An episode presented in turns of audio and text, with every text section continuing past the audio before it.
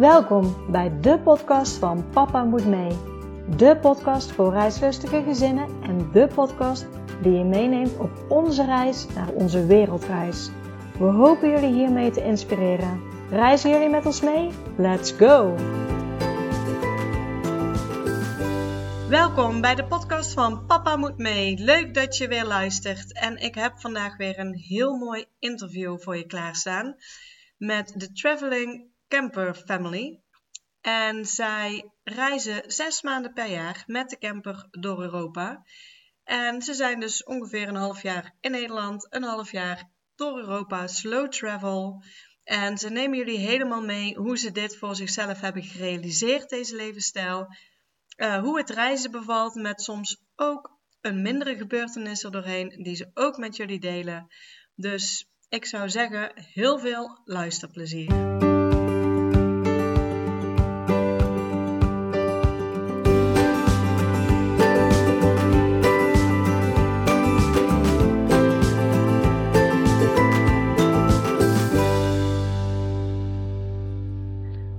Kerry en Mark, welkom bij de podcast van Papa Moet Mee. Hoi. Hallo. ja, altijd de eerste vraag. Zouden jullie jezelf en jullie gezin kunnen voorstellen aan de luisteraar? Ja, dat kunnen wij wel. Ehm, nou, wij zijn Kerry en Mark en samen met ons uh, zoontje Flynn van inmiddels vier jaar en onze twee honden reizen wij met onze camper zes maanden per jaar. En de andere zes maanden wonen wij in, in Nederland. En terwijl we reizen um, werken we ook door, of tenminste zover dat nodig is. En uh, dus heel fijn dat dat kan, zeg maar, dat we het kunnen combineren. Vergeet ik iets? Oh. dat is wel het belangrijkste. Ja, hè? Dat, dat omvat het wel, ja.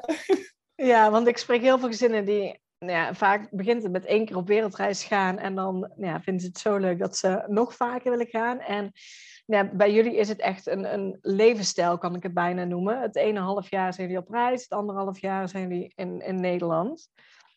Ja, het is niet heel erg uh, strak omkaderd, zeg maar, maar het, het, is meer zo gegroeid. We zijn, uh, denk ik, zes jaar geleden begonnen met ons eerste camperbusje. Met z'n tweeën? Met z'n tweeën. En daarvoor deden we gingen vliegreizen. En deden we toch vaak ook wat um, reizen van twee maanden of zo. Ja, zoiets naar Azië, ja. En toen eerste camperbusje. En eigenlijk werden de periodes steeds langer. En toen kwam de eerste serieuze camper toen Flynn was geboren. We bedoelen zo'n hele grote witte camper. Ja, dat bedoelen we met serieus. Ja, de bejaarde camper noemen wij het soms ook al. Ja. Dat dat toch nog steeds de grootste doelgroep is.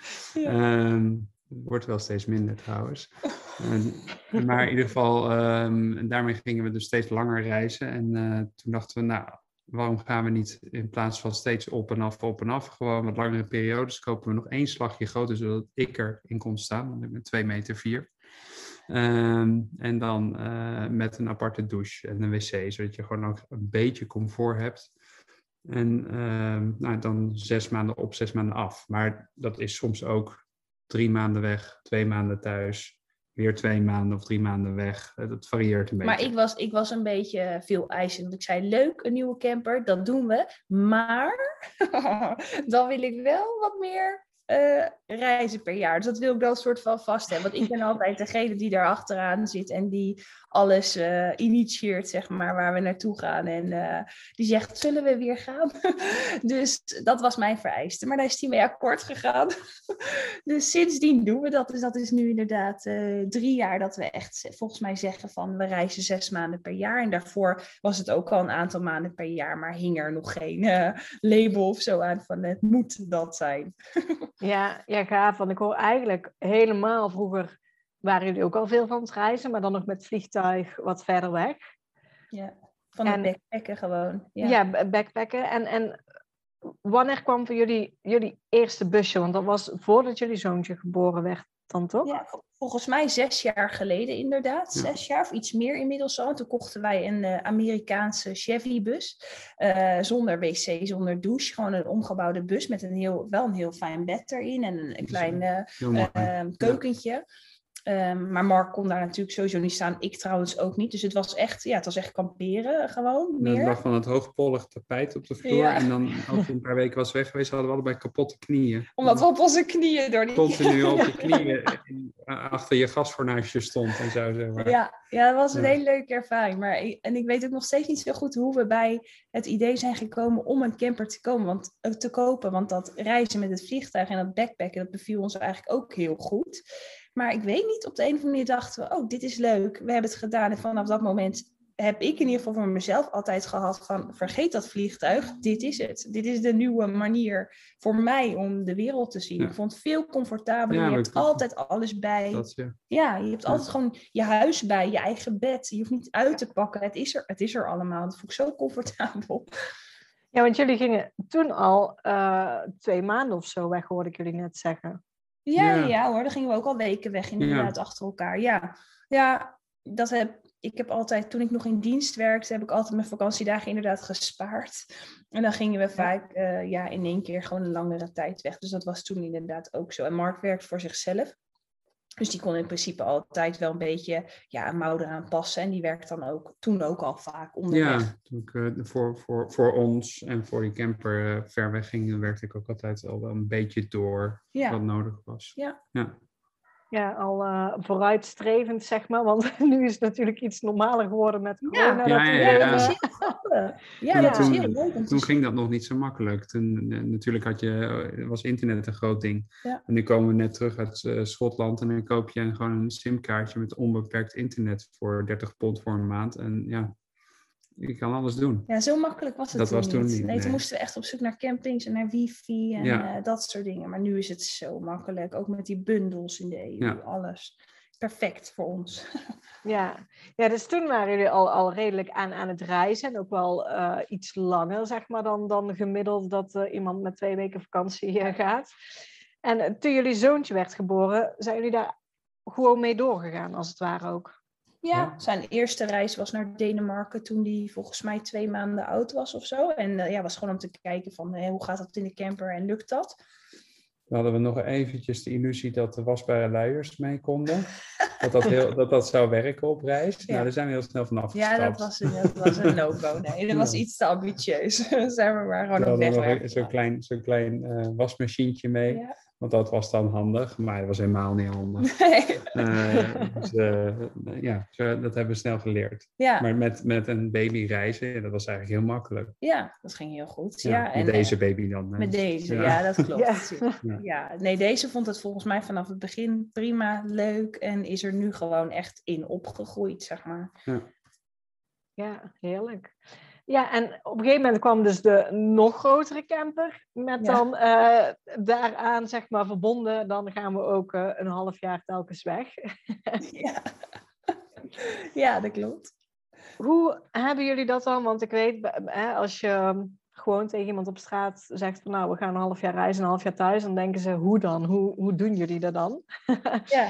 Dus, dus hoe hebben jullie, jullie zitten nog niet met leerplicht met je zoontje, dus Nee. dat maakt verder niet uit. Maar ehm, hebben jullie bijvoorbeeld een huis of hoe doen jullie het daarmee? Of nou ja, met werken hebben we een heel klein beetje aangeraakt, maar eh, Nou ja, we hebben dus inderdaad, ik ben dus, ehm, ik weet niet, vijf jaar geleden voor, ook voor mezelf zeg maar begonnen. Dus wij hebben in ieder geval allebei geen baas. Dus dat geeft ons de vrijheid om onze eigen tijd in te delen. Mark zit wel met een, ehm, ik weet niet hoe ik dat moet zeggen, maar een ritme van werk wat elke maand, elke kwartaal terugkomt. Hij geeft een tijdschrift uit, dus dat heeft wel een soort, ehm, ja, Ja, zo'n periodiek. ja, periodiek. Ja. Ja, het bouwt Ja. zich op en dan gaat het weer wat langzamer. Dat is de deadline en nou ja, dat soort dingen. En voor mij, ik ben grafisch ontwerper, dus ik neem gewoon opdrachten aan. En, eh, Of niet? of niet, ja, ja, of niet. Ja, nee, inderdaad, of niet. Dus daar hebben we natuurlijk al heel veel vrijheid in. Vooral omdat ik dus altijd ehm, flexibel ben, Mark niet altijd. Ehm, en ik was al fulltime thuis met Flynn, ook, ook tussen het gewoon altijd. Flynn is nooit naar de opvang gegaan of iets dergelijks. Ehm, en wij hadden een huis in Rotterdam tot vorig jaar. En dat hebben wij ehm, positief verkocht, zullen we maar zeggen. Zoals elk huis ongeveer nu. ja, in deze tijd. eh, Ja, precies. Ja, dat is niks nieuws. En daarvoor hebben wij een, ehm, nou ja, ik wil zeggen meer bescheiden, maar voor ons absoluut niet. Voor ons is het juist een hele uitbreiding en veel luxer. Maar we hebben in ieder geval een braaf hoekhuis. Een braaf hoekhuisje teruggekocht eh, in de dieren naast, eh, naast Arnhem, zeg maar, of in de buurt van Arnhem, waar we allebei ook vandaan komen. Dus het is een soort van eh, terug naar onze roots en daarmee, ja, gewoon slim de overwaarde gebruiken. En op die manier zijn onze lasten nu heel veel lager geworden. waardoor wij ook veel minder moeten, hoeven. ik, ik, hoef, ik hoef geen opdracht aan te nemen die ik niet leuk vind, omdat we het op zich kunnen redden, zeg maar, financieel met, met minder. Dus dat is heel, daar zijn we echt, ik, ik, ben daar dagelijks dankbaar voor. Volgens mij Mark ook, want dat is echt de beste zet die we hadden kunnen zetten. Uh, om ons nog meer vrijheid te geven, zeg maar. Ja, gewoon slimme keuzes gemaakt als het ware nu. Ja, en ik denk dat we toen we voor het eerst zeg maar meer gingen reizen dan met de grote camper. Dat was echt een beetje toen corona met zijn intrede ja, die kochten we net voor corona. Ja, die hadden, we hadden hem net op tijd gekocht. Ook ik het zeggen, want na corona, bij corona gingen ze ook omhoog. Ja, dus we waren echt precies op tijd. En, uh, uh, en, en, en toen hadden we ook ons huis verhuurd, omdat we toen langer weggingen. En toen sloeg corona toe. Dus onze inkomens uh, vielen hard naar beneden. Want ik ben afhankelijk van reclameinkomsten voornamelijk. En Kerry zat, deed veel vormgeving voor de grafische, of voor de evenementindustrie. Ja, dus die viel ook Dat viel even allemaal weg. Maar ondanks dat konden we het prima redden, want we hadden ons huis verhuurd en reizen is, hoeft niet zo duur te zijn. Nou, niet met de camper. Niet met de camper. niet zoals wij doen. Nee. nee. En, dan, uh, dus, en toen van Rotterdam naar Dieren, nou ja, lasten ongeveer gedeeld door twee. En uh, reizen is nog steeds niet zo duur, uh, zoals wij doen. En ja, dus, dus aan alle kanten. Win-win. ja, win-win inderdaad. Ja. ja. En, en verhuren jullie standaard jullie woning als jullie gaan reizen? Of kijken jullie van eh, wat het plan is? Of... Eigenlijk, nee, dat was ook wel omdat we het echt een enorm gedoe vonden. Maar in Rotterdam moest het wel, want het was gewoon anders te duur. Uh, en, en, dat is het voordeel van deze woning ook. Het is gewoon uh, betaalbaar. Ook al verhuren we het niet, dan is het oké. Okay. Lopen we niet leeg. We lopen dus... er niet op leeg en we betalen nog steeds, we investeren in die zin nog steeds in ons eigen huis. Met het betalen van de hypotheek. Ja. Dus, um, dus het hoeft niet. En, maar als het zo uitkomt... Als het zo uitkomt, ja, laatst hebben we iemand inderdaad voor een maand in ons huis gehad. Ja, dan is het natuurlijk voor ons alleen maar fijn als we een beetje eh, tegemoetkoming in de kosten Tuurlijk. krijgen. Ja. Maar voor ons is het ook wel heel belangrijk dat we iemand kennen. We hoeven geen vreemden in ons huis, liever niet. Want dan moeten we het ook op een andere manier... En ja, en dan moet je het ook op een andere manier klaarmaken. Nou ja, goed, dat soort dingen. Nu, nu is het heel vaak gewoon dat mensen gewoon in ons huis komen met onze spullen. En dat ja, fijn of prima vinden. En dan ja, zo... Uh, en dan krijg je het schoner terug dan dat je het afhaalt. Ja, dus dat, was de laatste keer zo. Ja, dat was echt top. Ja, dat is echt ideaal, ja. Ja, ja. dat was heel goed thuiskomen. En, en in Rotterdam toen de tijd, hebben jullie dat dan wel echt via een makelaar gedaan of zelf verhuurd toen, uh, voor dat half jaar? Nee, ik heb uh, toen via een, een, kennis hebben we een contract, een leeg contract gekregen en die zelf zeg maar opgesteld en ingevuld omdat het gewoon riskant is. Uh, want het is natuurlijk, A, het mag eigenlijk bijna nooit van je hypotheekverstrekker. Ja. En, en, en B, het is, uh, een huurder heeft gewoon meer rechten dan een uh, huiseigenaar, zo ongeveer, als ik het goed heb. Dus als je dat niet goed afspreekt, ja, dan kan je maar zo vastzitten aan een huurder in je woning, terwijl je weer terug wil. Dus ja, dat, dat, dat, dat moet wel goed worden afgesproken en uh, vastgelegd met een borg. En, uh, ja, toen hebben we dat inderdaad officieel gedaan. Maar gedaan. dat was ook echt een half jaar inderdaad. Ja, ja. Achter elkaar. Ja. ja. En dan, dan maak je het ook verhuur klaar. Dus wat een helse karwei is. Maar daar hebben we daar ook niet meer zo zin in. Nee, als het niet hoeft, liever niet. Nee, nee, nee, nee, zeker. Nee. Ja, ik neem aan dat, dat jullie gewoon ingeschreven zijn blijven staan, want jullie gingen niet langer als acht maanden. Jullie zitten niet met de leerplicht, dus eigenlijk geen reden om jullie uit te schrijven. Nee. nee dus um, ja, qua verzekeringen kan dan ook alles gewoon doorlopen en hoef je eigenlijk niks te regelen. Dus dat is dan uh, Wat makkelijk. Dat heel makkelijk een half jaar ja. of jaar. Ja. Ik kan het iedereen aanraden. En als het net iets langer is, ja, ook niet natuurlijk. Nee, ja, de, niemand, nee. weet, weet precies, precies wanneer wij de grens overrijden. Nee. Dus in die zin uh, maken we ons daar niet zo druk over. Nee, nee. Ja. Die eerste keer dat jullie een half jaar weggingen, toen hadden jullie dus nog een woning in, in Rotterdam. En hoe oud was jullie zoontje toen? Um, oh, wat, goeie, wat een goede vraag. Even denken, dat was volgens mij um, juni 2020, toch? Want in maart kwam volgens mij corona, toch? Maart 2020. Ja, maart 2020. Ja, en toen hebben wij nog heel even afgewacht, want eigenlijk wilden we in mei. En volgens mij zijn wij toen in juni vertrokken. Toen hebben we letterlijk de dag van tevoren We hebben besloten waar we besloten heen waar we gingen. naartoe gingen, omdat we gewoon niet wisten wat een makkelijk eh, bereisbaar land was met die coronamaatregelen. En toen was Flynn dus inderdaad, Twee. oh wat erg, ja twee, ja, Ja. twee. Hij is nu, hij, 1 april is hij jaar, hij is nu vier, dus ja, dan was hij twee. Ja, Ja. twee jaar. En jullie hadden toen wel het- het idee, dus we gaan een half jaar weg. Maar ik kan me voorstellen, in, in die tijd was het allemaal zo onzeker. Jullie hadden toen echt zoiets, we zien wel waar we naartoe kunnen. Ja, het was eigenlijk jouw vader die van tevoren, die dag van tevoren zei: waarom gaan jullie niet naar ehm, was het, eh, Litouwen, Letland? Ja, de ehm, Baltische Staten. De Baltische Staten, want daar was op dat moment was het allemaal nog niet zo heel heftig. Nee. En dat bleek een hele goede zet, want we hebben eigenlijk daar eh, maandenlang heel, eh, ja, je moest hier en daar een mondkapje op. En, Ja, eh, maar niet zoals de rest. Nee, en ik, of, ze- of, of de landen de gevallen nou niet melden of dat het echt weinig was, dat weet je nooit. Nou ja, maar- het is natuurlijk een land waar, heel, waar weinig mensen wonen en die mensen wonen ook heel verspreid. Dus de, ja, het wordt gewoon minder. De mensen besmetten elkaar minder en dat was in ons voordeel Ja. in dat geval. Ze hebben heel vrij rondgereisd Ja. eigenlijk. Ja, want hoe zag, zag jullie route er toen precies uit? We hebben eigenlijk nooit een route.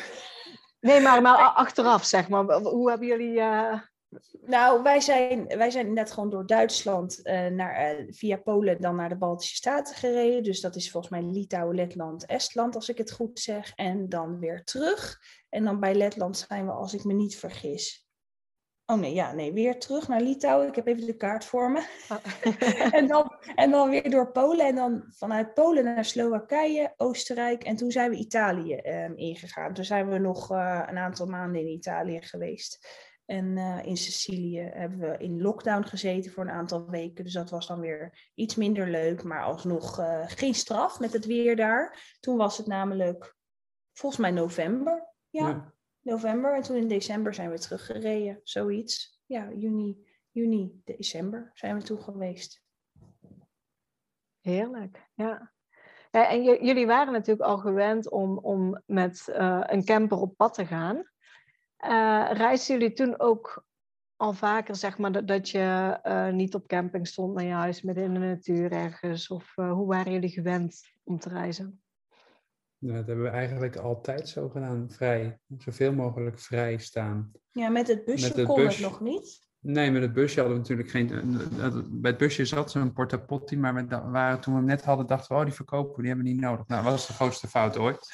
Ja, we weten welke nou, ja. Want dat maakt je een stuk minder afhankelijk. ja. Ehm, maar daarmee konden we wat minder vrij staan. Ook wel hier en daar wel, maar dan moet je, nee, dan moet je gewoon goed timen. Ja. Ehm, maar daarna hebben we eigenlijk altijd vrijgestaan. En ehm, eerst werkten we altijd met campercontact. Want dat was toen eigenlijk de meest verkrijgbare app. En Een van de weinigen. een van de ja. weinige. En, en toen kwam gelukkig Park for Night. eh, waardoor het eigenlijk explodeerde, het aantal plekken. En het nog makkelijker werd. Ja. En, eh, waar je nu tot speeltuinen aan toe kan selecteren. En ja, dat is wel geweldig. ja, dat is echt top. Dus ja, zoveel mogelijk vrij. En eigenlijk staan we alleen op een camping als we of echt de was moeten doen.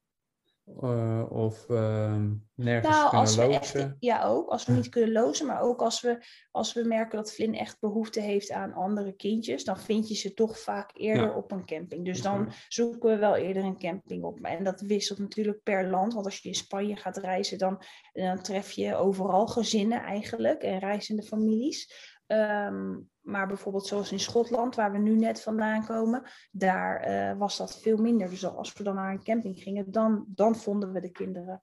En dus dat was een iets grotere zoektocht. Gezondheid. Ja, want eigenlijk, want jullie gaven het al aan van onze manier van reizen is niet duur, want dan krijg je dus dat de overnachtingen kosten jullie nou, in het meeste geval niks, tenzij je echt naar een camping toe gaat. Klopt. En dan heb je in feite alleen nog boodschappen, wat je thuis ook zou hebben. Ja, daarom. En je diesel natuurlijk. Ja, ik Ja. denk dat dat een van de grootste kostenposten is dan in feite. Ja, maar Ja. als je het langzaamaan doet, wat met een kind moet, zo ongeveer, want anders wordt hij niet blij, dan valt dat ook wel weer mee. Vaak is het natuurlijk de, de, de eerste, het eerste stuk, als je even door Duitsland moet of door Frankrijk moet, nou, dat kost je even wat. En dan ga je toch wel weer langzamer. En ja, dan valt het ook wel mee. Nou ja, en omdat we natuurlijk ook uitspreiden over een half jaar, dan valt het zeg maar eh, voor zo'n hele reis of per maand valt het dan reuze mee. Ja, we hebben geen haast. We hebben geen haast, nee. Ik, zei, ik zou niet, weet je, we staan niet, we wisselen heel vaak van plek. We zijn wel, eh, vooral ik heb zoiets van, nou, volgende, ik wil meer zien, ik wil meer zien. Dus dat in die zin bewegen we wel veel, maar de afstanden die we bewegen zijn, of die we verplaatsen, die zijn niet groot. Nee, dat kan rustig drie kwartier zijn of zo. Nou, max. nog niet eens. Ja, Ja. precies. Ja, ja, ja, ja. Ja, Ja. dus het is niet duur, nee. En afhankelijk van welk land je gaat, is natuurlijk de boodschappen inderdaad duurder of goedkoper of hetzelfde. En dat maakt dan ook meteen het verschil. Ehm, In Noorwegen is het zinvol om even de grens met Zweden over te gaan voor de boodschappen bijvoorbeeld. ja, In- absoluut. In Spanje is dat niet nodig. nee, nee, dat is heel fijn. Ja, Spanje Ja. is goed voor de boodschappen. Ja. Ja, ja, want in feite zit er eigenlijk meer, denk ik, als, als mensen van de buitenkant er naartoe kijken van, oh, die reizen een half jaar, een half jaar thuis, dan wordt al snel gedacht van, oh, dat is eh, heel duur. Maar ja, als je het zo brengt en je kan gratis staan iedere nacht mooi in de natuur en het zijn de boodschappen, dan is het Ja, vaak heel goed te doen. mee. Ja, Mensen denken ook wel vaak eh, dat, dat, dat we het eh, nou ja, Dat in hebben ze goed voor elkaar. financieel goed voor elkaar hebben. Maar dat hoeft dus niet per se. Ik bedoel, zelfs in de coronatijd met eh, bijna geen inkomen hebben we dit kunnen doen door het anders te regelen. Ja. Ehm, dus, dus in feite, eh, als je werken toestaat, ehm, hoeft, hoeft het niet een hele moeilijke stap te zijn. Natuurlijk moet je wel even een camper kopen. ja, dat moet je wel, want dat is natuurlijk wel duur, zo'n Ja, camper. inderdaad, dat, dat- is de investering. Ja, Ja, het kost elk jaar geld, dat, kost, eh, dat, dat, ja, dat moet onderhouden worden. Dus eh, ja, dat is het. Ja, dat is het enige. maar je kan een camper enige. kopen, zo eentje die wij nu hebben. Maar ik zeg altijd, een beetje camper begint nou tegenwoordig misschien iets meer van de 15.000, 16.000 euro. Kan je best al wel een betrouwbaar dingetje hebben. Ja, Ja. maar dat heeft niet iedereen liggen. Dus nee, dat is niet, nee, dat is dus niet dat zo is, makkelijk. Dat is de Dus ik- drempel. we zijn ook heel blij dat wij dat wel hebben kunnen, kunnen kopen. En Ja. dat is gewoon onze kostbaarste bezit ook meteen, denk ik. Maar inderdaad, het leven, het leven verder is echt eh, helemaal niet duur. En we gaan ook niet... En die campings, dat scheelt natuurlijk alles als Ja. je die niet hebt. Maar ook uit eten. Weet je, we houden echt wel van goed eten. Maar we gaan niet elke dag buiten de deur eten. Dat doen we hier thuis ook niet. Dus ja, dat, dat, zo kun je het ook zo duur maken als je zelf wil natuurlijk. Ja. ja, de eerste keer was dus eh, Baltische Staten en eh, door naar Italië uiteindelijk. Ja. En toen zijn jullie weer teruggekomen. En hoe lang heeft het toen geduurd voordat jullie eh, weer op reis gingen? Ja, toen wat langer, want toen bedachten we Oh, ja. opeens, toen kwamen we terug. En toen dachten we opeens, waar- waarom wonen we nog in Rotterdam? Ja. Omdat Oh, we zoveel, na die lange reis waren we zo gewend geraakt aan ruimte en natuur. En, en ook Flynn die gedijt daar ook gewoon goed op. Ehm, opeens was het klaar. Dus toen beseft, dachten we, nou we gaan het huis verkopen. Ja. En we gaan een ander huis kopen. En dat heeft bij elkaar een paar maanden geduurd. ja, dat was natuurlijk wel even een zoektocht, ja. Ja, Ja, want we wisten eerst niet dat we hier wilden gaan wonen. Nee, we hebben eerst nog andere opties verkend en uiteindelijk dan hier beland. En toen zijn we inderdaad in juli, volgens mij, dus een jaar geleden ongeveer, zijn we hier naartoe verhuisd. In augustus volgens mij ons eigen huis verkocht. En toen eh, ja, dachten we van oké, nu missen we dit jaar dus eigenlijk al eh, acht maanden hebben we niet gereisd. Dus toen begon het bij mij natuurlijk heel erg te kriebelen. Want hij is dan, ja, Mark vindt het dan ook wel fijn om even op de plaats rust eh, te houden. Maar eh, bij mij begon het echt eh, te, te erg te kriebelen.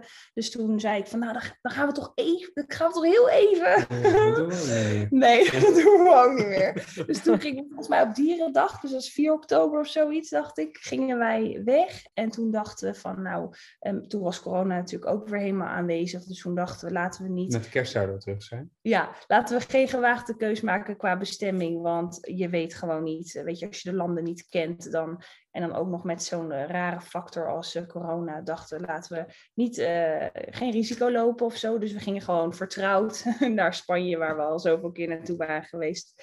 En toen wilden we inderdaad voor kerst terug zijn, maar... ehm, want, we, want we, houden, we houden heel erg van kerst. Ja. maar toen ging Nederland inderdaad helemaal op slot. En toen dachten we, ja, waarvoor zouden we, waarvoor zouden we eigenlijk teruggaan? Dus toen zijn we uiteindelijk tot en met maart, maart nog weggebleven. Dus toen hadden we uiteindelijk toch nog eigenlijk toch zes maanden. Ja. Alleen dan een beetje verplaatst. Maar eh, ja, dus ja, zo. En daar zijn we dus in maart teruggekomen. En eh, nu zijn we dus maar dan zijn we nou vertrokken begin mei naar Schotland gegaan. En dit was dan een van de eerste keren dat we echt een kortere reis hebben gemaakt van, van zeven weken naar uh, Schotland en een beetje Engeland. En nu hopen we na de zomer weer, uh, weer te gaan. Ja, heerlijk, heerlijk. Dus telkens is het inderdaad gewoon kijken, gaan en uh, ja. Eigenlijk wel. Ja.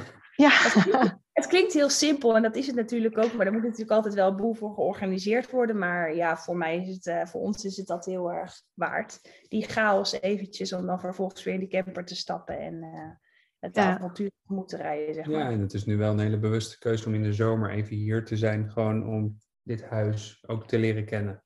En de dingen die hier nog een beetje moeten gebeuren ook te doen, zodat je niet uh, tot in de treuren in verhuisdozen zit.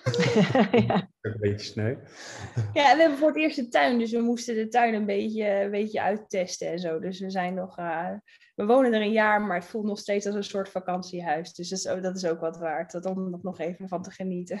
Ja, zeker. Je geeft aan, er moet telkens wat georganiseerd worden als we weer uh, op reis willen gaan. Wat, wat zijn dingen die jullie dan moeten organiseren telkens? Nou ja, als je natuurlijk voor een half jaar gaat, dan moet je met heel veel dingen rekening houden. Um, die dan bijvoorbeeld, ja, het klinkt heel gek en dat je denkt, uh, wat heeft het over? Maar op voorraad. Hè? Ik moet uh, misschien medicatie of uh, dingen op voorraad hebben, maar ook onze hondjes, zijn ze ingeënt? Hebben ze, loopt het pas, verloopt de vaccinatie niet terwijl we in het buitenland zijn? Moeten wij nog naar de tandarts? Moet Vlin nog naar de tandarts? Moet, weet je wel, moet je allemaal een beetje op, ja, vooruit denken, want anders dan heb je afspraken gepland staan als je weg als je weg bent. En ja, dat soort dingen. En uitzoeken waar wil je naartoe? Wat hebben we nodig? Moeten er nog dingen aangepast worden in de camper? Want bijna elke reis kom je wel terug en denk je, oh ja, laten we dat nog even aanpakken. Of oh, dat moeten we even repareren. Of nou, goed, dat soort dingen. Dus het is niet, het zijn geen hele grote dingen, maar het vergt wel even aandacht om uh, alles op een rijtje te zetten en een lijstje af te werken voordat we weer ontspannen op weg kunnen, zeg maar. Ja, ja, snap ik. En, en qua werk, zijn dat nog dingen dat je extra moet organiseren als jullie dan weg willen? Of zeggen jullie van nou, eigenlijk maakt het voor ons geen verschil of dat we vanuit de camper werken of vanuit thuis? Nou, ik, ik heb, uh, ik werk momenteel het meeste, ik, ik heb wel hier denk ik iets meer regelmaat. Um, kijk, op reis doe ik vaak s ochtends uh, anderhalf, twee uur werken. Uh, afhankelijk van wat nodig is. En s'avonds werk ik. Uh, dan maandag tot en met donderdag. Uh, dus eigenlijk ook best wel regelmaat. Maar hier, um, en, en ik zeg altijd dat is heel goed om alles draaiende te houden. Maar als je echt uh, wil groeien en wil investeren, zeg maar, um, of ja, wil, nieuwe dingen, nieuwe wil. dingen wil doen, dan is het wel handig om hier te zijn. Gewoon om af en toe ook mensen te zien. Dus ik heb dan meestal twee mensen voor me werken, zeg maar, in dienst. En uh, je merkt toch dat als je elkaar één op één echt ziet, dat gaat toch, is altijd beter dan de, uh, wat wij nu doen via FaceTime, zeg maar. Ja, ja het is nog net iets direct contact is altijd beter en je krijgt gewoon sneller, sneller dingen voor elkaar. Dus, ehm, dus ik zorg wel dat in de periode dat ik hier ben, dat ik vaak extra gas geef, wel een beetje op die dingen die daarvoor handig zijn. Al is dat nu wel lastig, want ik heb nog steeds mijn kantoor in Rotterdam. En ik ben er sinds we terug zijn niet geweest. Nog niet, nee. We zijn nog niet zo lang terug. Nee, we zijn nog niet nee, zo we lang zijn terug. nog niet zo lang terug. Ehm, dus, eh, dus ja, en, en dan iedereen is eraan gewend. Bij mij ook. Ze weten het. Ja, Dit is natuurlijk ook hoe we het al heel lang doen. Dus voor hen is het ook niet zo heel raar. Ehm, maar het is wel heel belangrijk om gewoon goed te communiceren. En ehm, gewoon ook wel beschikbaar te zijn op de momenten dat er gewerkt wordt door anderen. Dat ze, want het is zonde natuurlijk als iemand een halve dag op een antwoord zit te wachten. Ja. maar wij een mooie wandeling in de bergen maken. Ja. Ja, dat kan Ja. dus niet. Nee, dat kan dan niet. Dus dat is een beetje de keerzijde. Je, je moet een beetje een balans vinden tussen continue bereikbaarheid en genieten. En dat Ja. lukt soms heel goed en soms minder. Ja, dat begrijp ik helemaal. ja. Ja, en in feite, als je dus op reis bent, heb je alleen maar internet nodig of bereik met je telefoon, zoiets. Dat, dat is voldoende om, uh, om Ja. te werken. Ja. En als je inderdaad, want jullie staan dus meestal niet op campings, maar uh, gewoon wild kamperen, is het dan inderdaad een, een simkaartje kopen van het land waar, waar je bent en dat je die dan gebruikt als uh, Ja, we hotspot hebben of iets? Of, um, MIFI-router en, uh, uh, en, en daar doen we het uh, simkaartje in. En dan hebben we gewoon een uh, wifi-netwerk in onze camper. Ja. En dat, eh, dat werkt. En het, het is wel belangrijk, want we, zoals nu in Schotland ook, waar we ook af en toe weer op plekken, dan denk je, oh, mooie plek, en dan kijk je, nul signaal. Ja. Ik moet vanavond echt wat doen. Nou, dan kan je weer verder rijden. Ja, dat, Dus hebben we wel dat, eens. is, ja. eh, dat, dat is ook zeg maar de andere kant daarvan. Dus je, kan, ja, je moet met iets meer rekening houden. Ja, je moet wel, je moet inderdaad niet. eh, dat is soms gewoon nodig. Dus dan moeten we daar ons allemaal op aanpassen. Maar als dat het is, dan vind ik dat geen probleem. Vinden we dat geen probleem? Nee. Nee, snap ik. Ja. Eh, ja, en jullie hebben dan eh, natuurlijk ook een eh, zoontje bij. Eh, hij is nou vier geworden dus. Eh, dus nou, nog niet lichtplichtig, maar wel dat ze vaak met school beginnen. Ja. Wat voor keuze maken jullie daarin met, met zeg maar dit, dit leven wat jullie nu hebben? Ehm, wil jij het vertellen? Eh, ja, ja hoor. Eh, wij kiezen, nou ja, wij, wij hebben eigenlijk, en zoals Kerry al zei, wij- hij is nooit naar de opvang geweest. Ehm, dus we hebben er altijd voor gekozen om eh, het zelf te doen. En daar gaan we nu eigenlijk ook mee door. Dus we hebben ervoor gekozen om hem niet in te schrijven. En eigenlijk gebruik te maken dus van het recht om het zelf te doen. Ja. Ehm, dus we zullen gewoon op tijd een brief sturen ehm, aan, aan de leerplichtambtenaar eh, met, het, met de mededeling dat we het zelf gaan doen. En dan, eh, dan gaan we wel zien. En, en in principe weten we dat we daar gewoon recht op hebben dat dat mag. En ja, je kan dus mazzel hebben of pech hebben eh, dat ze makkelijk of moeilijk gaan doen. Maar daar zijn we meestal wel... Nou ja, ik lees me daar altijd goed op in, zodat ik daar... eh, Hij heeft er alle vertrouwen in. Ik vind dat uiteraard dat niet, even eh, spannend. ja, Ja, dat nou ja, volgens mij, zolang hij nog niet op een school ingeschreven heeft gestaan, Daarom. dan doen ze niet zo moeilijk. Dan is het, Nee. eh, het is moeilijker als zij ingeschreven heeft gestaan, wat Ja. ik hoor inderdaad. Ja, Dus, ja dat hadden wij ook ja. begrepen. Dus we houden hem inderdaad eruit. En, en dat doen we. De planning, de- er is geen planning voor, laat ik het zo zeggen. Want zodra wij aan hem merken dat hij klaar is voor school. Of nou ja, klaar is voor, dat is weer dat misschien te makkelijk. Maar dat hij inderdaad iets mist in het leven wat wij hem bieden, dan gaan we er absoluut kritisch naar kijken en eh, naar een oplossing zoeken. En of dat dan een school is hier of ja, een andere vorm, dat gaan we gewoon zien. Maar voor nu geloven we er heel erg in dat ehm, alles wat hij tot nu toe heeft geleerd, heeft hij ook zonder school geleerd. En weet je, vijf, ja, is nog zo, ze zijn nog zo klein eigenlijk. En er is nog zoveel te leren. En ook als wij zien wat hij op reis leert en met welke dingen hij geconfronteerd wordt, die je hier in Nederland vaak ja, helemaal niet zou zien of eh, tegenaan zou lopen, dan denk ik dat hij al zo, zoveel leerstof binnenkrijgt. Elke dag eigenlijk, op, op reis helemaal, maar thuis net zo goed. Ja, dat, wij zien de noodzaak niet in van school met vijf. En op het moment dat hij sociaal gezien daar wel echt eh, behoefte aan heeft, want dat, dat verandert nu, dat, merk je, dat merken we aan alles. Ehm, ja, dan is dat natuurlijk ook een punt om naar te gaan kijken, om daarin te blijven voorzien dat hij, ehm, dat hij genoeg mensen, kinderen tegenkomt om mee te spelen. En het, het, het nadeel van, ehm, nou, nadeel is niet goed. De reizende gezinnen die je vaak tegenkomt, die hebben vaak kinderen onder de vier. Dat is gewoon zo, want heel veel mensen gaan toch gewoon uit van met vier of met vijf ga je naar school. Dus je merkt dat ze eerder met baby's reizen of met jongere kinderen reizen, eh, dan dat ze echt met, met zijn leeftijd eh, reizen. Dus dat is wel iets waar we rekening mee moeten gaan houden. Ja, dat eh, op een gegeven moment de aansluiting wat minder makkelijk te vinden gaat zijn. Ja, zoals in. Schotland nu ook, heeft hij bijna Ja. alleen maar met oudere kinderen gespeeld. Ja, het maakt hem niet zoveel uit, maar je moet ook maar hopen dat wel. die kinderen dan ook met hem willen spelen. Ja. Hem, hij maakt, voor hem maakt het niet uit. Hij speelt met iedereen, hij kletst tegen iedereen. Hij ziet nooit, hij ervaart de taal nooit als een barrière, maar andere kinderen naar hem toe wel af en toe. Denk je, wat zegt hij nou? En? Ik versta hem niet, laat maar, ik ga weer met iemand anders spelen. En voor hem is dat, ja, Ja, voor hem is dat gewoon. voor hem is het gewoon dat Voor hij... anderen kan het vreemd zijn. Ja, Ja. ja.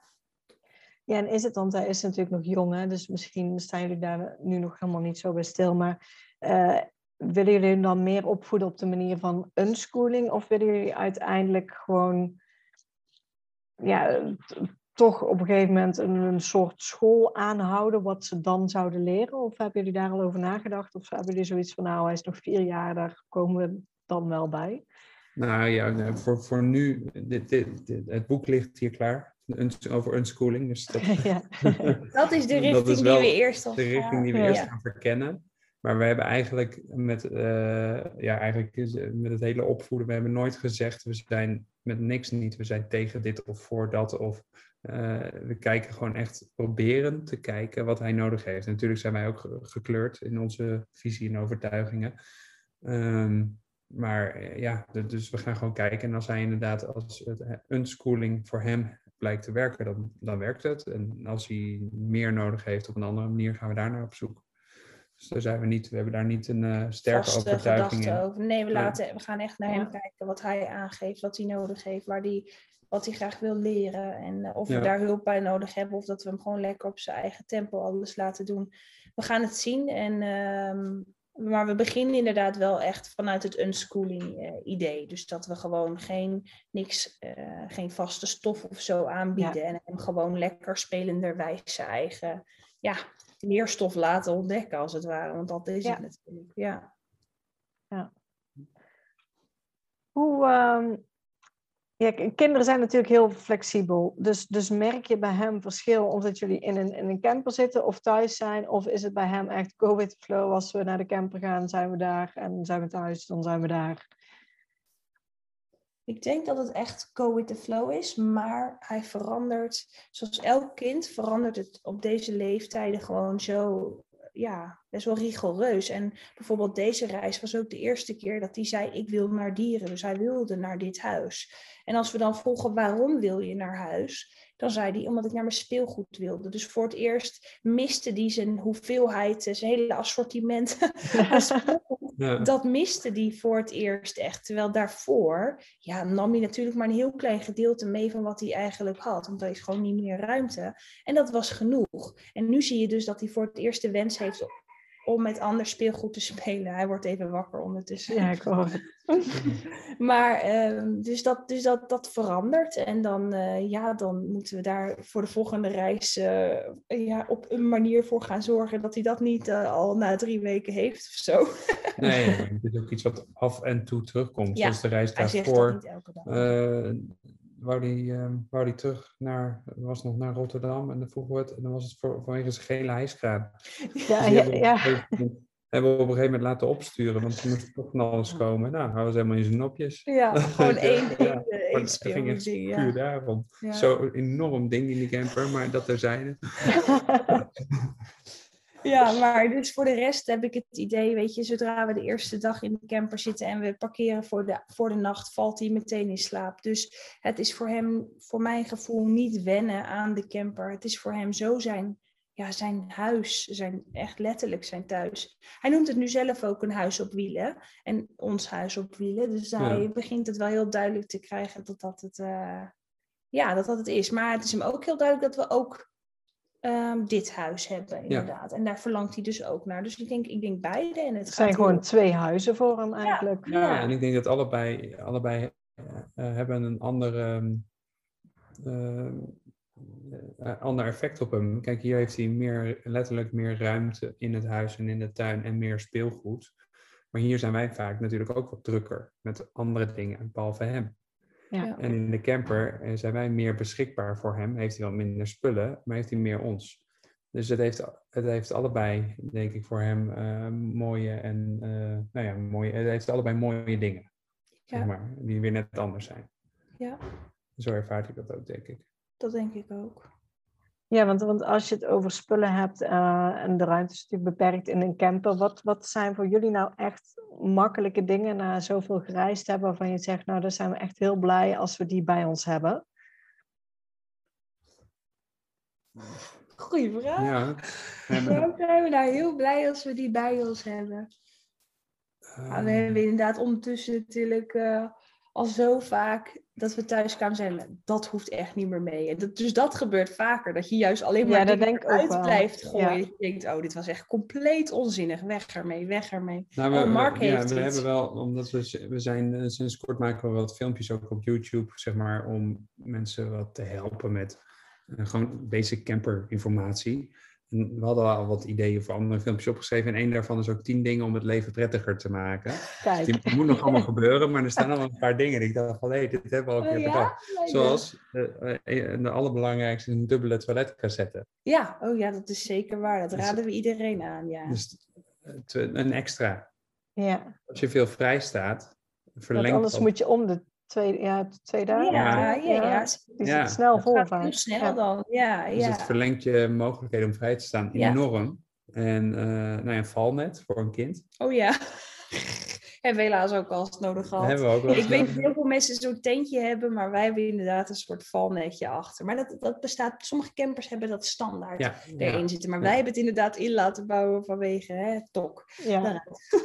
dat is nog meer heel ja, echt super praktisch. Wij, en dat zat er al bij ons ook wel in. Een stang in de doucheruimte. Dat klinkt heel stom. Maar hoe vaak is het niet dat je met natte kleding of iets. want Het me- het is het meest vervelende als je met natte kleding in je camper zit. Dan gaat het alles beslaan en alles gaat dampen. En als je gewoon een stang hebt hangen waar je kleding aan kan hangen met zo'n droogcarouselletje. Ja, Super praktisch, vooral met een kind. nou ja, die Ja. stang is een beetje, misschien een beetje random, maar dat droogcarouselletje, Ja, dat maar is echt wel, en hangen. zeker in een nat land als Schotland, gewoon zorgen dat je iets simpels hebt waar je alles kan ophangen, eh, zonder dat je de was doet, maar gewoon dat het nat geregend is, is echt een, eh, zeker met een kind een must. Ja. En wij hebben een, ehm, dat inzetventilator, die inzetventilator. Oh Eh, ja. Ik weet even niet hoe dat officieel heet, maar Nou, je hebt een Max-fan, maar je hebt ook deze ja, wij Max-fan die zit vast in je dakraam. En Ja. wij hebben zo'n eh, ventilator, die kunnen we erin klikken. Dus je zet één dakraam helemaal open, dan je Ja. een ventilator erin die je gewoon op een 12 volt punt kan inpluggen. Ja. En eh, omdat wij met de honden reizen en eh, hebben we ook zo'n ehm, ja, Bluetooth. Bluetooth thermometertje, zodat we als we in een stad zijn even kunnen blijven checken of het niet te warm wordt. Inmiddels weten we dat ook al staat die camper vol in de zon, als je alles goed dicht doet en dat soort dingen, wordt die nooit eh, te, te heet voor die beesten. Maar die ventilator die, eh, die reguleert dat ook lekker, zeg maar. Dus dat is ook echt wel een hele handige voor Ja, ons. maar voor de rest, qua, dat zijn echt allemaal camperdingen inderdaad. Ja, dat zijn echt campers. Ja, Dat maar ik bedoel van de camper zelf. Ja, maar ik bedoel Oh. losse dingen. Dat, dat heb ik niet specifiek of zo. Dat is, ook dat wisselt zo per, per Ja, keer nu- dat we op reis gaan met hem. Want elke keer wordt hij ouder en elke keer wil hij andere dingen bijvoorbeeld mee.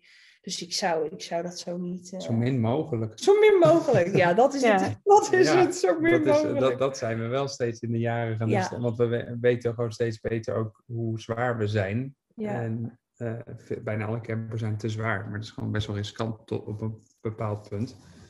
Dus ja, gewoon zo min mogelijk. Zo min mogelijk. Ja, ja, het is iets wa- wat ik vaker hoor dat mensen inderdaad zeggen, nou, dan, dan pakken we minimaal in en dan nog kunnen er Ja. dingen weg, want we Ja, nemen precies. altijd toch weer te veel mee. Ja, Ja, nou, ja, ik moet dat- zeggen dat ik dus in al die jaren dat we nu reizen, dat ik inderdaad niet de afgelopen reis, maar die daarvoor voor het eerst officieel te weinig bij had. Nou, dat, dat was niet fijn. Oh, Maar dat was dus inderdaad omdat ik elke keer maar dingen eruit gooide. Dat ik dacht, van, maar ik gebruik het niet. Ik draag het Hmm. niet. Ik draag elke keer hetzelfde wat, ik, ja, wat het fijnste zit. Dus eruit, eruit. En toen had ik dus te weinig bij. Ja, dat is ook eh, leerzaam. ja. Hoe bepalen jullie eh, wa- waar je naartoe gaat? Is, is dat telkens gewoon kijken welk gebied hebben we nog niet gehad? Of, ehm, bepaalt dat. ja, dat dacht ik al een beetje.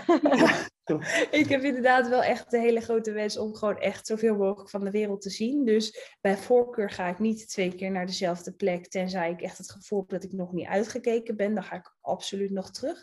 Ehm, maar ik wil het liefst alles zien. Dus ja, dan is het gewoon van oké, what's next? En eh, zodoende hebben we denk ik ook al heel veel, heel veel landen hebben we al gezien. En er zijn er zeker een aantal bij waar we nog een keer naar terug willen. En zoals Portugal en Spanje, daar zijn we meerdere keren geweest. Gewoon omdat het, ja, weet je, ik zeg altijd, je kan niet fout gaan met Spanje en Portugal. Ja. Het is gewoon lekker weer, het is goed te betalen en er zijn eh, genoeg eh, kampeerplekken. Dus ja, daar, daar gaan we wel sneller wat nog een keer naar terug. Maar ik denk dat dat nu ook wel een beetje klaar is. Ja. Na de laatste keer zeiden we tegen elkaar van, nou, nu is het wel even de laatste keer dat we hier zijn geweest. En Ja. ja, ja dus we hebben eigenlijk al heel veel gezien. En stiekem zou ik het heel leuk vinden om bijvoorbeeld een keer naar Marokko te gaan. Of eh, echt naar Turkije Nou ja, zoals nu. Albanië en Griekenland wil jij naar. Ja, nu wil ik heel graag naar Albanië en Griekenland. En dat stond inderdaad twee jaar geleden eigenlijk al op de planning. Maar toen met corona dacht ik van nou laten we dat risico niet nemen om zo ver helemaal eh, te gaan rijden.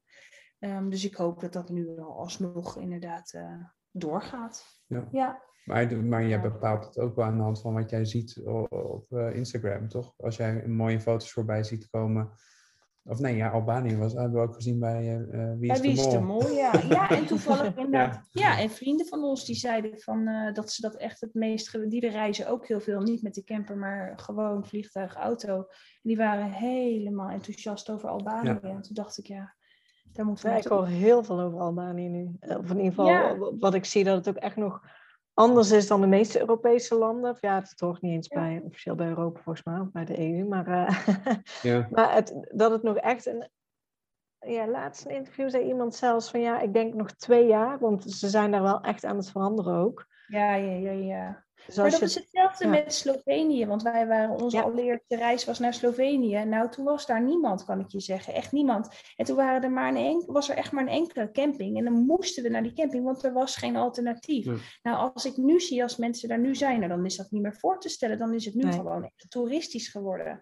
Maar toen wij daar waren, was dat nog helemaal niks. Daarna reden we daarna door naar Kroatië. Daar was het echt al veel meer ontwikkeld. Maar Slovenië lag toen echt nog... nee, want iedereen sloeg Slovenië over, iedereen ging Ja. Naar Kroatië. En vaak, want Ja. wij zijn toen in corona zijn we naar Slovenië geweest ook, omdat alle Ja. reizen niet doorgingen. Ja, Maar ook dat heel veel mensen, oh, Slovenië. Terwijl, ja, en nu zijn er al veel meer toeristen, denk ik, als toen in de tijd dat- jullie er waren. Maar ja, toch, heel veel mensen die rijden nog steeds voorbij of snel er Ja. doorheen. Of stoppen alleen maar bij Bled, want dat is bekend. Ja. Ja. Ja, dat is inderdaad bekend. Ja. Ja. Dat was voor ons inderdaad ook. eh, dat hadden we nu ook al een beetje met Schotland eigenlijk. Het is ook nog niet echt ontdekt. er, zijn wel, er zijn wel veel campers, maar je hebt er nog niet echt. Ja, eh, door de Schotten. Het zijn allemaal Engelse verhuurcampers die je daar ziet rijden. Maar eh, de oversteek wordt ook nog niet veel gemaakt voor mijn gevoel. En het is ook nog niet goed ontwikkeld met voorzieningen. Eh, maar wel, je kan wel op heel veel plekken vrijstaan. Ja. Alleen, ja, je moet kijken waar je je water, je toilet en alles dat soort dingen doet. Dat is lastig. ja, je moet goed plannen en dat Ja. moesten we toen inderdaad in Slovenië ook. Ja, Ja, ja. Maar dat is wel, dat maakt het wel leuk. Ook. Ja, zeker. Nou ja, je voelt, eh, ja, het is gewoon totaal anders dan wanneer je in Spanje reist en op elke hoek eh, natuurlijk een camping of iets ziet. Ja. Ja. dat is heel makkelijk. Je wordt er wel, ja, het, wordt, het, reist, ma- het reist makkelijker. Ja, je bent verwend en je wordt Ja. wat luier, want je hoeft pas, weet je, in Spanje keken wij heel vaak een kwartier voordat we dachten, nou, nu zullen we maar stoppen met rijden. En dan keek ik eens van, nou, wat is er in de buurt? Nou, dat hoef je in Schotland niet te doen, want dan heb je gewoon pech als je, weet je, dan kan je zo nog een uur doorrijden. Ja. Dus dat is dan niet echt een optie, maar... eh, ja, we zijn wel eigenlijk wel meer van die wat rustigere, eh, nog onontdekte landen. Maar die, ja, die blijven natuurlijk niet, niet bestaan. Die worden steeds minder. Nee. Ja. Ja. Maar met een goede reden, want het is gewoon heel mooi natuurlijk. Ja, zeker. Wat, wat zijn nu echt landen waarvan je zegt van nou, als je een camper hebt, is dat misschien eh, ook een hele goede optie om, om naartoe te gaan? Landen die jullie misschien hebben verbaasd toen jullie daar waren? Ja, In Noorwegen positieve zin? Wel- Nou ja, Noorwegen denk ik dat iedereen dat. Ik denk dat niemand Noorwegen niet leuk vindt. Maar Nee. dat was, dat was 100% ons favoriete land. En het mooiste land wat we met de camper hebben gezien. Totdat we in Tot Schotland, kwamen. wel, ja. En sinds, sinds Schotland is Schotland ons favoriete land. En eh, weet ik nu al dat we daar sowieso terug naartoe gaan. Omdat ik daar echt nog niet uitgekeken ben. En daarnaast is, ehm, vonden wij, wij zijn dus eigenlijk Oh, toen in. Italië, toen we naar Italië gingen, zijn we door Slowakije gereden. Eigenlijk zoals nou ja, mensen vroeger dus door Slovenië reden. Ja. Ehm, en dat was dus helemaal niet eh, de planning om daar per se te stoppen. Maar we stopten daar dus wel en dat was geweldig. Dat was zo mooi en de mensen waren zo aardig. Dat we ook zeiden van wauw, dat is echt de verrassing van deze reis. En eh, we gingen toen naar het Tatra-gebergte en dat was, ja, dat was waanzinnig. Dat was zo mooi. Eh, dus daar zou ik ook heel graag nog een keer terug naartoe willen. Daar hebben we nog niet genoeg van te zie- gezien om te zeggen van hè, dat is echt een topland om te reizen met een camper. Maar wat wij hebben gezien was, was absoluut heel mooi. Ja, en de, de Franse Pyreneeën. Ja, de, de- ja. Daar zijn we eigenlijk, eh, toen we de laatste keer richting Spanje gingen, zijn we daar eigenlijk onbedoeld, omdat ik wou whisky halen in Andorra. ja, En, belastingparadijs daar. Ja, ja. En eh, toen zijn we eigenlijk eh, een paar weken door de Pyreneeën daarna gaan Ja. reizen, omdat het, we hadden mazzel met het weer, maar het was zo waanzinnig mooi en rustig en anders. En, en nog gewoon, ja, niet echt toeristisch. Nee, daar waren moment. echt heel weinig, er waren heel weinig Ja. andere campers. Toen we daarna Spanje binnenrijden, Dat reden, moesten we moesten we echt eh, bijkomen. Dachten we, jeetje, wat een drukte. Ja, Ja, dus dat was echt eh, inderdaad, de Pyreneeën aan de Franse kant was echt ja, geweldig. dat vind ja. ik ook wel voor herhaling vatbaar. Ja, dat was ook prachtig. Zijn Ja. er ook, ook nog plekken of momenten die, die echt zijn tegengevallen als jullie onderweg waren? Plekken die ons zijn tegengevallen. Oh, één seconde. Kijken we even of die doorzet. Nee, ik het niet. Ehm, nou ja, ik vond op een gegeven moment Litouwen, Letland, Ja. Estland. Je hebt daar, eh, het begon allemaal, dat begint een beetje op elkaar te lijken. Het zijn allemaal moeraswandelingen. zeg ik Ja, altijd. van die, van die boardwalks. Van die boven- boardwalks boven over- de Oh, ja. Dat waren de enige wandelingen Ja, die je eigenlijk dus kon maken daar. Op een gegeven moment heb je dat dan wel gezien. Ja. Eh, Maar, maar daar zijn wij dus ook echt verwend, snap Ja. je? Op dat moment voel ik me ook echt verwend. Denk ik, ja, maar dit is prachtig. Maar we hebben te veel moois gezien om op dat moment nog te denken van, ja, maar dit is ook heel mooi. Dan we- weten we gewoon van, ja, wat er nog meer in de wereld. Dus ja, Ja, Ja, Maar is oh ja, en ik vond Italië vond ik aan zich wel tegenvallen, omdat ik het gewoon, omdat het gewoon, eh, het is vies. En dat, dat klinkt een beetje alsof ik een of andere schoonheidsfreak ben, maar eh, er ligt overal afval in dat land. En Ja. hoe zuidelijker je komt, hoe gorder het wordt. En het is echt Ja, eh, overal jammer. afval, overal dode dieren langs de weg. Ehm, gewoon, en het is daar ook een serieus probleem, eh, de hele afval. eh, ja, en de een kan dat denk ik beter negeren dan de ander. En wij zijn daar inderdaad Ik, gewoon ik niet vind zo dat heel in. lastig. Ik Ja. denk, dit, dit is jullie eigen land. En ik heb moeite te zien hoe, hoe er zo disrespectvol met, een, met een, je eigen land wordt omgegaan. Zo voelt dat voor mij. ja. En dat, dan, daar stoor ik mij dan aan. En dat, dan, dan verliest een land voor mij ook wel een stuk schoonheid. Ja. Ik heb ook wel eens iemand horen zeggen dat ze Italië niet zo campervriendelijk vonden. Hebben, hebben jullie dat ook ervaren of dat niet? Dat probeer ik me te herinneren, maar dat weet ik niet meer zo heel goed of dat zo is. Ook daar hadden jullie gewoon plekken dat je wild kon staan. En, Ja, die zijn er op zich altijd wel. Maar ik moet wel zeggen dat er door de Italiaanse jongeren, hè, even generaliseren, maar Oh ja. wel heel veel gehangen wordt. En dus ook heel veel eh, afval uit hun auto wordt gegooid. En ehm, ja, weet je, we hebben echt wel eh, gewoon op een mooie parkeerplaats gestaan. Maar dat was dan zo'n eh, swingers parkeerplaats. Dus s'avonds kwam de ene naar de andere auto met zijn knipperlichten aan. En dat je dacht, oh ja, Ja. dat is niet waar we tussen willen staan, liever. Nee. Nee, Nee. en dat heb je in die zuidelijke landen waar meer buiten geleefd wordt, is het, dat is het risico van het vrijstaan. Kijk, wij weten inmiddels, we voelen redelijk aan welke plekken gevoelig zijn voor hangjeugd en welke niet. En van vrijdag tot en met vrijdag en zaterdag ga je daar sowieso niet staan. En, eh, en door de week gaat dat meestal wel goed. Maar ja, moet daar gewoon goed op letten. Ja, we, we hebben ondertussen, hoe zeg je dat? We hebben het eh, op de harde manier moeten leren. Dat, ja, dat je gewoon bepaalde plekken inderdaad moet mijden. En we gaan bijvoorbeeld altijd onder lantaarnpalen staan. Want dan is het oninteressant voor mensen om naast je te komen staan. En eh, ja, nooit helemaal afgelegen. Want ja, je weet, je weet het gewoon niet. Dus we zijn daarin, proberen we slim te zijn. Maar het lukt natuurlijk niet altijd. Helaas. Oh, dankjewel, schat. Ik geef je even een Ja, pepermuntje mijn keel, om ja. te hoesten. Ja, sorry. Dank je, schat. Hebben jullie dan ook echt wel eens nare ervaringen gehad met, met wild staan? Uh, nou, goed dat je het vraagt. Toevallig uh, recent voor het eerst. Dus uh, ik zou willen zeggen afkloppen, maar dat is, was helaas te, te laat. Want wij uh, reden in uh, maart dus terug vanuit Spanje hier naartoe. En uh, onze eerste nacht in Frankrijk. Wij weten dat er in Frankrijk wel meer hè, problemen zijn met inbraak en dat soort dingen. Maar de plek waar wij stonden, stond daar niks over vermeld. En helaas is er toen inderdaad um, midden in de nacht, nou eigenlijk niet eens midden in de nacht, ik geloof één uur s'avonds of zo, uh, hebben ze inderdaad uh, bij ons ingebroken en zijn ze ook ja, soort van binnen geweest. Ik werd er wakker van, maar ze stonden eigenlijk, ze hebben hun handen al naar binnen gedaan, ze hadden de sleutel al gepakt. Nou goed, het was, het was eigenlijk al, de, hoe zeg je dat? Het kwaad was al geschied, in ieder geval mentaal voor mij. Dat ik dacht van, oh shit, ze zijn er echt geweest. En uh, het was ze eigenlijk bijna gelukt. Ja. Dus daar hebben we echt veel van geleerd. Want eigenlijk zes jaar lang um, hebben we ons altijd, nou ja, bijna altijd veilig gevoeld in onze camper. En tuurlijk, we zijn niet roekeloos of zo, want we zoeken echt wel de plekken uit op dat het veilig is. Maar juist daardoor hebben, zijn we daar misschien in geslaagd en hebben we daardoor nooit iets naars ervaren tot de afgelopen keer. En sindsdien hebben we dus wel extra maatregelen genomen door eh, slotjes op onze ramen te zetten. Binnensloten op de voordeuren. Ja, gewoon echt net even Het dat alarm extra. wat we hebben te gebruiken. Ja, dat gebruikten Oh, ja. we niet, omdat we ons gewoon zo eh, oprecht veilig hebben gevoeld al die jaren. Maar we hebben inderdaad gewoon een, een eh, sensor. Als er een deur open gaat, dan gaat die af. En ja, die hadden we natuurlijk gewoon aan moeten zetten. Maar het is gewoon niet eens in ons, in ons opgekomen al die jaren, omdat, ons, omdat het altijd goed Ja, is opeens, gegaan. je beseft eigenlijk opeens hoe kwetsbaar je bent in zo'n Ja. camper. Want dat ben je. Het stelt niks voor. Ik heb ook begrepen, zo'n slot dus, dus, eh, van zo'n eh, van zo'n Fiat Ducato, dat is een uh, schroevendraaier, een tikt erop en de centrale vergrendeling springt open.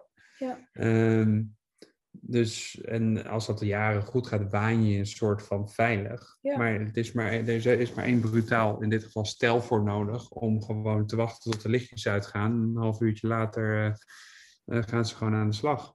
Ja. En- En, en- en jullie hondjes, die, die, die... Nee, die, die, die Ja. zijn we nog steeds... Die hadden we altijd hoog ingeschat, Ja. maar die Oh, ja. ernstig teleurgesteld. Hij heeft nog steeds straf. Hij heeft nog steeds straf, ja. Hij voelt het nog steeds als we het over hebben. Nee, we hebben er eentje die is doof, dus daar hoeven we niet op te rekenen. Oh nee. En de ander is extreem waaks. En die gaf ook een blafje, waardoor ik wel dacht, hé, hey, er gebeurt iets. Ja. Maar zoals je weet, alles in een camper kraakt en doet als iemand beweegt. Dus je denkt ook van, ja, misschien heeft hij het, heeft hij het gefantaseerd dat er iets gebeurt. Maar Ja. dus dat was, die heeft ons een beetje teleurgesteld, helaas. Is het daarna, want jullie hebben wat extra maatregelen genomen, maar vonden jullie het daarna moeilijk om weer wild te gaan staan? Want in Schotland hebben jullie wel weer wild te gaan staan. Of zeg je nou, het is zoveel jaren goed gegaan en, en nou ja, één rot ervaring en daar hebben we ons toch wel makkelijk overheen kunnen zetten. Maar hij moest echt wel van even bijkomen. Ik denk, die reis hebben we eigenlijk alleen nog maar even... Die, die laatste paar dagen hebben we niet meer vrijgestaan. Ja, omdat we al op weg waren naar huis. Ja. Voelde Ja. het ook- weet je, hebben we het ook niet, hoefden we ook niet meer. Als het aan het begin van de reis was gebeurd, had het denk ik een heel effect op onze reis gehad. Maar omdat het echt het einde was, hebben we er toen niet meer zo last van gehad. Maar toen, Mm. zodra we er weer instapten, hebben we gelijk de eerste nacht, want we pakten de tunnel vanuit Calais naar eh, Dover. Mhm. Toen hebben we echt bewust op een betaalde plek gestaan. Terwijl normaal zouden we dat niet gedaan hebben. Maar nu dachten we, ja, het is Frankrijk. Ja. Doei. Ja, ja. Heel lullig voor heel Frankrijk. Maar we dachten wel, we gaan Ja, het en- en- en- riskeren. Volgens mij in Schotland op één of twee plekken. Ja, Dat de eerste in Engeland, volgens mij wilde jij ook liever niet eh, wild staan. Nee. Toen was ik het alweer even vergeten. Maar ik moet zeggen, Schotland zelf is, nou ja, voor mijn gevoel een van de veiligste Ja, landen die er is om te reizen. Dus dat, ja. was, dat gevoel was eigenlijk daarna eh, wel verdwenen. Ja, het is, het is twee keer toch een soort van traumaatje wat je een plek moet geven. En, ja eh, zeker. we zijn in je persoonlijke ruimte geweest waar je gezin en je familie eh, ligt. En Ja. ik werd niet eens wakker, dus ja. En dan, dan denk je ook, pas toen Kerry me wakker maakte. Ehm, dat, dat besef je opeens van ja, Hoe kwetsbaar wat, je hoe bent, kwetsbaar ja. je bent en wat er allemaal kan gebeuren. Dus dat, dat voor mij was dat, ik moest daar wel echt even van bijkomen. Ja. ja maar dat, Maar we hebben nu een knuppel naast ons bed, weet je. Ja. Dus Kijk. dat is ook een portomaatregel, ja. dat een Ja. maatregel. Nee, dus, dus ik ben er met, met wat we nu hebben gedaan in combinatie met, eh, ja, we lezen de reviews nu wat verder terug, want achteraf zagen we van die plek, als ja, je nog verder jaar terug geleden las, of zo. las op Park for Night, dat het al eerder was gebeurd. Ja. Maar er moet dus verder teruggelezen worden. En het is gek genoeg, nu hoorden we, laten we na ons zijn er nog mensen geweest. En die zijn allemaal, is allemaal Terwijl wij ingebroken. allemaal terwijl wij dus zeiden, ga daar niet staan. En de Oh, eens ja. erg review gegeven. En nog zijn er daarna vier mensen gegaan die dus ook, waar dus ook is ingebroken. Ja, dan, dat begrijp ik dan niet. Dan denk ik, ja, dat zet je niet op het spel. In ons geval hadden we inderdaad gewoon eh, het jaren terug moeten lezen. Dan hadden we het misschien gelezen. Maar meestal, ik denk dat we meestal wel goed kunnen inschatten voor een plek. Maar hier gewoon even niet. Het was letterlijk naast een natuurgebied met flamingo's. Dus misschien dat dat ook, weet je, dat je het was de rust, de rust voelde heel fijn. Maar Ja. het was te rustig. Ja. En we hebben één Ja. keer gehad, stonden we ergens in een soort van bos, waar heel, eh, Oh, tijdens een of ander partyweekend in, wat was het? Vrijheidsdag of zo in, eh, Slovenië. nee, in Letland, volgens mij van Estland. Een vrij- soort vrijheidsviering. Ja, toen was Vlinde ook nog zo jong en eh, ik hadden ze een kampvuur en de Ja. muziek hard aan tot echt twee, drie uur s'nachts. Ja. Ja, toen werden we ook niet zo... Ja, die pech heb je soms gewoon. Ja. En Ja. ik bedoel, we hebben ook wel een paar keer gehad dat je net lekker slaapt en dan komen de, komt de Ja. jeugd uit de kroeg, komt op die parkeerplaats nog even nafeesten. Nou, Dan is de motor aan en eh half uurtje rijden en Ja. eh, totdat je een rustig plekje hebt. Nou, dat, dat is een paar keer gebeurd, maar dat is niet, ja, dat hoort erbij. Dat is Ja, dat is ook wel het nadeel van, eh, van wild kamperen. Maar als je ziet hoe vaak dat in Op, praktijk op zes is jaar gebeurd, tijd is dat misschien op één hand te tellen. ja, ja. dan is dat niet eh, daar. Ja, dus, dus overal, hè, want laten we vooral de positieve benadrukken, overal zijn, zijn de meeste plekken gewoon mooi en hebben jullie altijd daar je ook Ja. veilig gevoeld en veilig gestaan. Ja, zeker. En, maar, maar wel, ja, je moet er wel over nadenken, vind ik. Ja. Ja. Je moet gewoon goed nadenken waar je doet. Wat je, maar dat is zelfs al, ja, dat klinkt stom, zelfs als je boodschappen gaat doen. Let wel eigenlijk op. En eh, en niet, niet om- omdat we panisch zijn, maar oké, als het kan zetten we hem ehm, Bij in een bij een camera met de deur in de zicht van anderen. Want dat is wat je het meeste hoort. Ingebroken, ja, ruik je ingeslagen dingen meegenomen. Omdat we even aan de boodschappen doen. Ja. Dat wil je natuurlijk Dus voorkomen. door gewoon dus- in het, dat zit gewoon in ons systeem, dat gewoon automatisch Ja. proberen we erop te letten. En eh, dat voorkomt misschien een hoop gedoe. ja, tot nu toe wel. Ja, Kijk. ja. Hebben jullie nog tips voor gezinnen die, eh, die wellicht geïnspireerd zijn om, eh, om hetzelfde te doen als jullie, zeg maar? Dus ehm, ja, eigenlijk ook een camper aan te schaffen en ook ehm, vaker voor langere tijd op reis willen gaan. Nou, ik denk de grootste tip is gewoon doen. en, eh, maar ik zou vooral, ja, dat ging misschien heel hard om zo te zeggen, maar verkoop niet per se meteen alles. Ja. Zou ik niet doen, hè? En dat is mijn, dat is mijn ja, gevoel, mijn mening. Omdat het kan ook een manier van reizen zijn die niet bij je past. En daar kan je dan denk ik beter achter komen in een soort van hè, dat je nog de rest van je dingen hebt om op terug te vallen, dan dat je erachter komt op het moment dat je eigenlijk vastzit in je camper en die keuzes niet meer zo makkelijk terug kan maken. En je daardoor eh, verplicht voelt om er wel in de camper te blijven. Ik denk, het ligt je of het ligt je niet. Voelt het goed? Dan weet je, kan het echt, eh, nou ja, net als bij ons, een heel groot eh, deel van je leven worden en echt je levensstijl. Ja, maar ga het eerst proberen. Ga het eerst proberen. Dat zou ik echt iedereen aanraden. Niet meteen rigoureus alles weg, alles omgooien. Maar probeer het, kijken of het bij je past. En dan kan je het wel plannen. En, oh ja, een hele belangrijke, als je een camper... Dit zeg ik namens Mark, want die zegt dat altijd. Laat een camperkeuring doen. Dat heeft natuurlijk al zoveel opgeleverd. Nee, maar heel veel mensen die gaan natuurlijk, hè, die kopen hem bij een dealer of iets en die kijken, ja, nieuwe, ik heb het niet over nieuw, ik heb het over tweedehands uiteraard. En dan, eh, nou ja, dan weten ze wat er aan scheelt of niet, of wat er allemaal aan gerepareerd is. Maar zo'n camperkeuring kijkt ook naar, is je douchebak waterdicht? Ehm, werkt, het wc, werkt de wc goed? Nou ja, goed, doen de ramen het goed? Alles. Dat wordt gecontroleerd. En En als het achteraf dan niet goed blijkt te zijn, kan je er weer op terugvallen. kan je er inderdaad, Dan, of je kan eh, nog onderhandelen over de prijs daardoor, maar je weet in ieder geval wat je koopt. Dat raad jij altijd iedereen aan. Ja, ja, ja. ja dat is waar. Ja. Ja, en, voor de, en voor de rest, ja, toch, toch wel gewoon gaan. Wel gewoon doen. Ja. Ja. ja, en ik denk dat de corona heeft daar een positief bijgedragen door al het thuiswerken. Er zijn veel werkgevers gaan inzien dat het prima kan en dat, dat werknemers gemotiveerder, efficiënter werken. Targets ook nog steeds worden gehaald. Dus ehm, als je in een, in een, in een, ehm, niet, niet zelfstandig bent, is er vaak meer mogelijk dan je denkt. Dus eh, ik bedoel, als ze het bij mij willen, zou het, ja, ik zou de laatste zijn. Het zou raar zijn als ik zeg dat ze het niet mogen doen.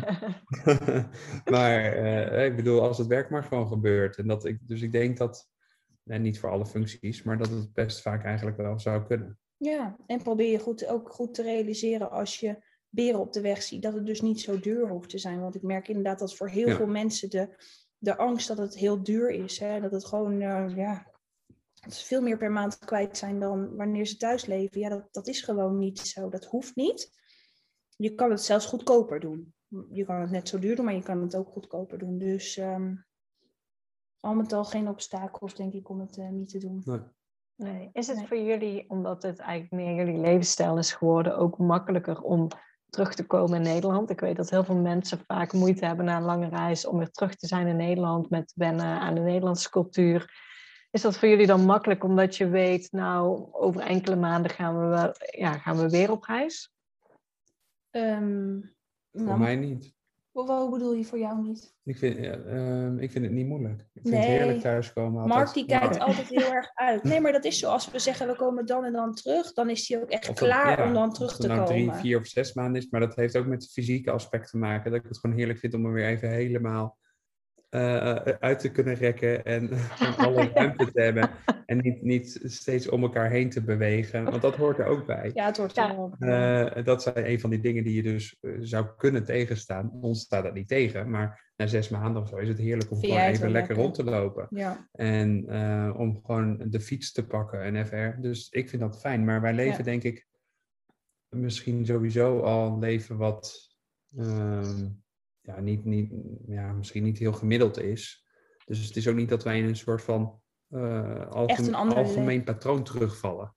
Nee, onze Dus- dagen zien in principe nog bijna hetzelfde uit. Alleen hier hebben we veel meer om handen thuis. Veel meer dingen om ons zorgen over te maken, schoon te maken. ja, Dus ik, maar ik persoonlijk zie er wel altijd tegenop om thuis te komen. Ja, om waar. meerdere redenen. Maar ik, eh, wat mij betreft, ehm, nou ja, zouden we denk ik eh, ook wel kunnen wonen in de camper. Maar dat vind ik lastig om te zeggen, want ik geniet ook heel erg van een huis.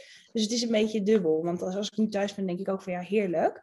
Maar de vrijheid en het avontuur wat die camper gewoon standaard met zich meebrengt, dat is voor mij ja, ongeveer de alles. Dat, is, dat, is, eh, dat, is, dat geeft mij eh, mijn, ener- mijn energie, dat is mijn batterij, zeg maar. Dat, daar word ik gewoon heel gelukkig van. Je hoeft er niet naar op zoek.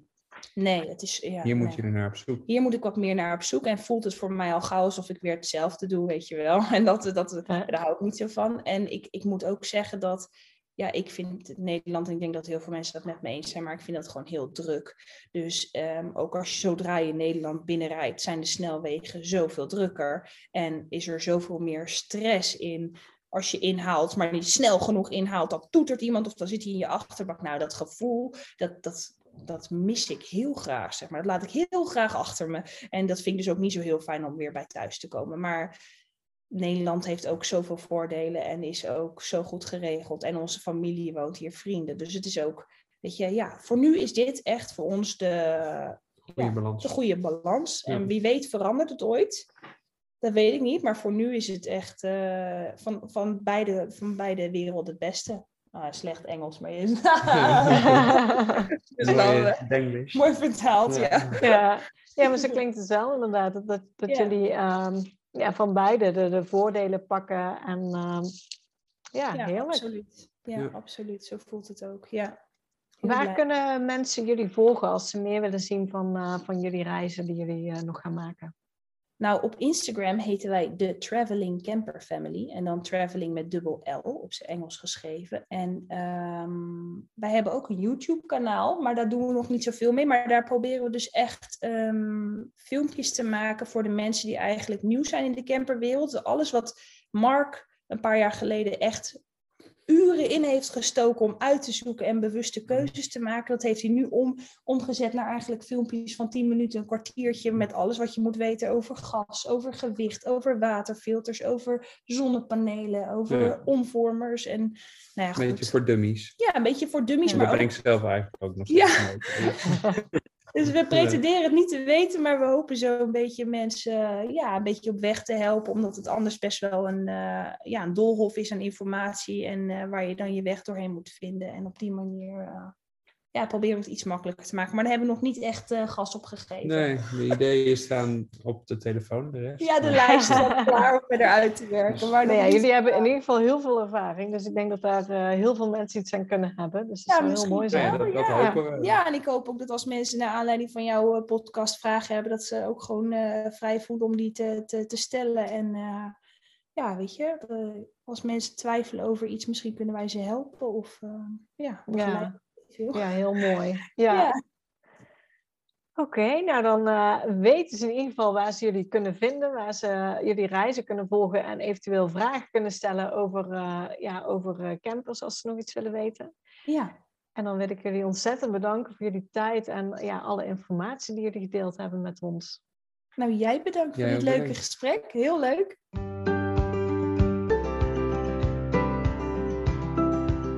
Super bedankt voor het luisteren naar deze podcast. Ik zou het heel leuk vinden als je ons volgt op Instagram. Papa moet mee. Deel deze vooral in je stories als je hebt geluisterd en tag ons en laat ons weten wat je ervan vond. Tot de volgende keer.